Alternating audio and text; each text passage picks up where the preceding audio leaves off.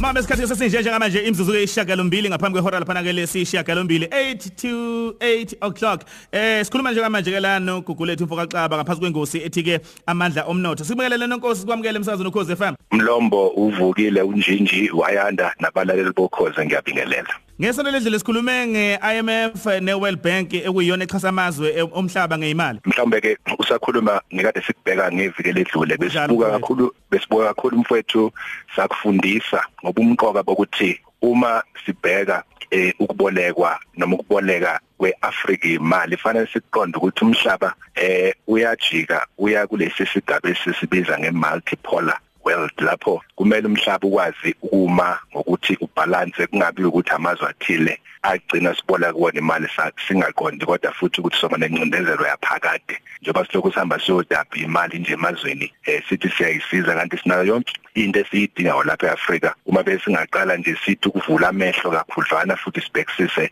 kabanzi ngomnotho weningizimu Afrika neAfrika singayithola ukuthi asidingi kakhulu lokusambe siyonkashela eh ngaphandle sibe sicebile besibuka lokho ke mlombo Mm ngezwakala mfethu. Mhlawumbe namhlanje njengoba sathi inyanga esikuyona inyanga yabesifazane ake sibheke ukuthi ngabe ke mhlawumbe imapha amazwe eh ayishumi ikakhulukazi ke ayaye lapha na ke alekelele ikakhulukazi abantu besifazane e, abawosomabhizinisi futhi ke abalapha eningizimu Afrika bona yini abangayenza esimeni njengaleso sibuka lokho mlombo njengoba sazi ukuthi sibungaza inyanga yabantu besifazane nabantu besifazane kuyo. Lapho sibuka khona eh ubumqoka bokuthi babe ingxenye yamabhizinisi ngokwehlukahlukana kwawo. Angikale lamlombo ukuthi kuyacaca ukuthi iningizimu Afrika iwenzile umehluko omkhulu egabene ezithile zezepolitiki naseyikhundleni nje kuyabonakala abantu abaningi besifazane sebephethe. Kodwa kufanele lokho sikudidanise nezamabhizinisi nobumqoka bokuthi iqhaza ekumele belibambile emabhizinisini liselincane kakhulu uma uqhathanisa namazwe amaningi omhlaba. Mungabuka nje lamazwe siwabalayo alishumi elaseAmerica eNew Zealand iCanada elakwa Israel iIreland Taiwan iSwitzerland iSingapore iUnited Kingdom nePoland. Amazwe lawo aziwa njengamazwe abambe kakhulu iqhaza ekuthuthukiseni abantu besifazane bawo abaningi kwezomnotho ukuze bangene babe abantu abazobamba amabhizinisi ngokwehlukahlukana kwawo. Mhlawumbe umuntu uzobuza ukuthi ke yini kungaveli nelodwa laseAfrika lapha? Cha likho kodwa ke futhi ekungabi khona enikwalo laseAfrika uma ungabuka nje kuphela waseAfrika uzobona ukuthi oga oUganda no Ghana amanye amazwe asahamba phambili kakhulu ukwedlula leli lengabadi othola ukuthi yilo phela elaziwa njengelicebile kodwa futhi okubonakalayo ukuthi akukho ukuthi kuxhaswe noma kusizwe ngokwendlela ecacile abantu besifazane ukuze bangene emabhizinisini bakwazi ukuzimela. Lokhu tjathu uzokhumbula ukuthi kuba nomthelelo omubi ngoba abantu abaningi besifazane njoba sazi ukuthi bagcine behlukumezeka abanye ngenxa yokuthi abanye basuke bencike ekuthenini badinga ukusizwa nje. Okanti kuba bayakwazi ukuyisiza bona bayakwazi nabo ukuthola amandla abo ezomnotho ukuze bakwazi ukuyishayela inqumo ngale kokuncikisela noma nokuncikiselwa buze kumbuzo mfowethu ukuthi kuphi eh iningizimu Afrika engakwenza noma bona abantu besifazane abangakwenza ukuze bayithuthukise bangene bathi shi emabhizinisini nakho mhlawumbe ukuthatha ngifisa nje ukubala okokuqala ukuthi abakhuthale ukuba babe ingxenye yezinto ezihambisana nemithetho ezoshaywa ukuze ibasize ivune bona ukuze bangene emabhizinisini. Thathu uzokhumbula ukuthi abantu besifazane lapha eNingizimu Afrika bacishe babalelwe ngokwe-Stats SA report ngonyaka odlule ku29.7 million wabesilisa bawu 28.86 million.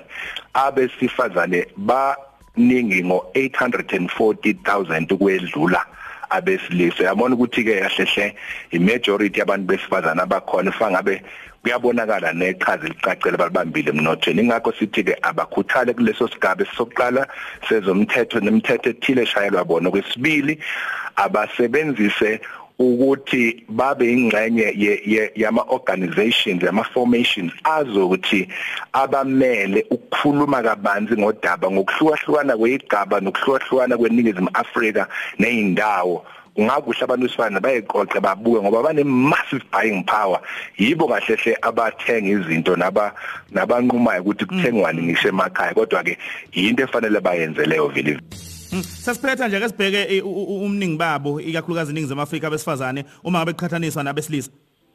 njengoba sesishilo eh thatha uma ungabheka bawu 29.7 million. Kahle hle kusho ukuthi ba ba- bacishe babe ngaphezulu ba- babe baningi cishe nge nge- ngemiliyoni ukudlula abantu besilisa. Lokho kubalekile ukuthi eh ba- bakwazi ukuthi amandla abo la banawo. Em sake sasho lo tata ngesikhathi esidlule ukuthi thina selusa ubukuqhube eh inko umhlambo wenkomo umfana kodwa eh inkomo lezi zingawazi amandla awo nenkunzi yakini impela enkulu imbedula eh zingawazi amandla empeleni kahle hle ngifuna ukusho njalo nakubantu abamnyama leningizimu Afrika nabantu besifazane kakhulukazi ukuthi banamandla amakhulu kabi. Uma uma lo mhlambi ungaphenduka uphendukela umfana nje umfana ngabhaleka zawo sithela sinjalo ke nathi la eningizimu Afrika uma ungabuka ukuthi thina sibamnyama sinalelo sho lokungayiboni ukuthi amandla ethu asemningini bethu nabesifazane ngonjalo amandla abasemningini babo. Nazi izinto ezimbali engifisa ukuzibala. Kumele babheke izinto ezithi zinemali zokubafanda sake sayithinta ngaphambilini. Women Empowerment uh, Fund, isivande Women's Fund, ABSA Women's Empowerment Fund, Business Women Association of South Africa, ne Women Development Bank. Kuningi okunye ke tjata esiyo asiyothi sihamba ngalenyanga sifundisane kukho ukuthi ikuphi abangakwazi ukuthi bangene khona ukuze bakwazi ukusizakala kwezamabhizinisi. Okay, but siyabonga. Eh sasiphetha nje nitholakala kanjani? sitholakala ku www.amandlaomnotho.co.za iWhatsApp line yethu imbuzo nje ithi 0822252217 data sizobe silungiselela inkomfa yethu ngoSeptember ezoba ke iwebinar this time ngenxa yesizathu sokuthi akuhlanganeki ngenxa yeCovid-19 so abalaleli bethu abalalele nje nangeviki elizayo sibechazela imininingwane yaleyo nkomfa Sokolohle shabathi. mfowethu Sibonga kakhulu mfowethu. Alright. Eh uyena ke unonkosi lokho kulethu mfoka xa besikhuluma naye ngalesikhathi ingosi ke amandla omnotho. Khosi FM lo hamba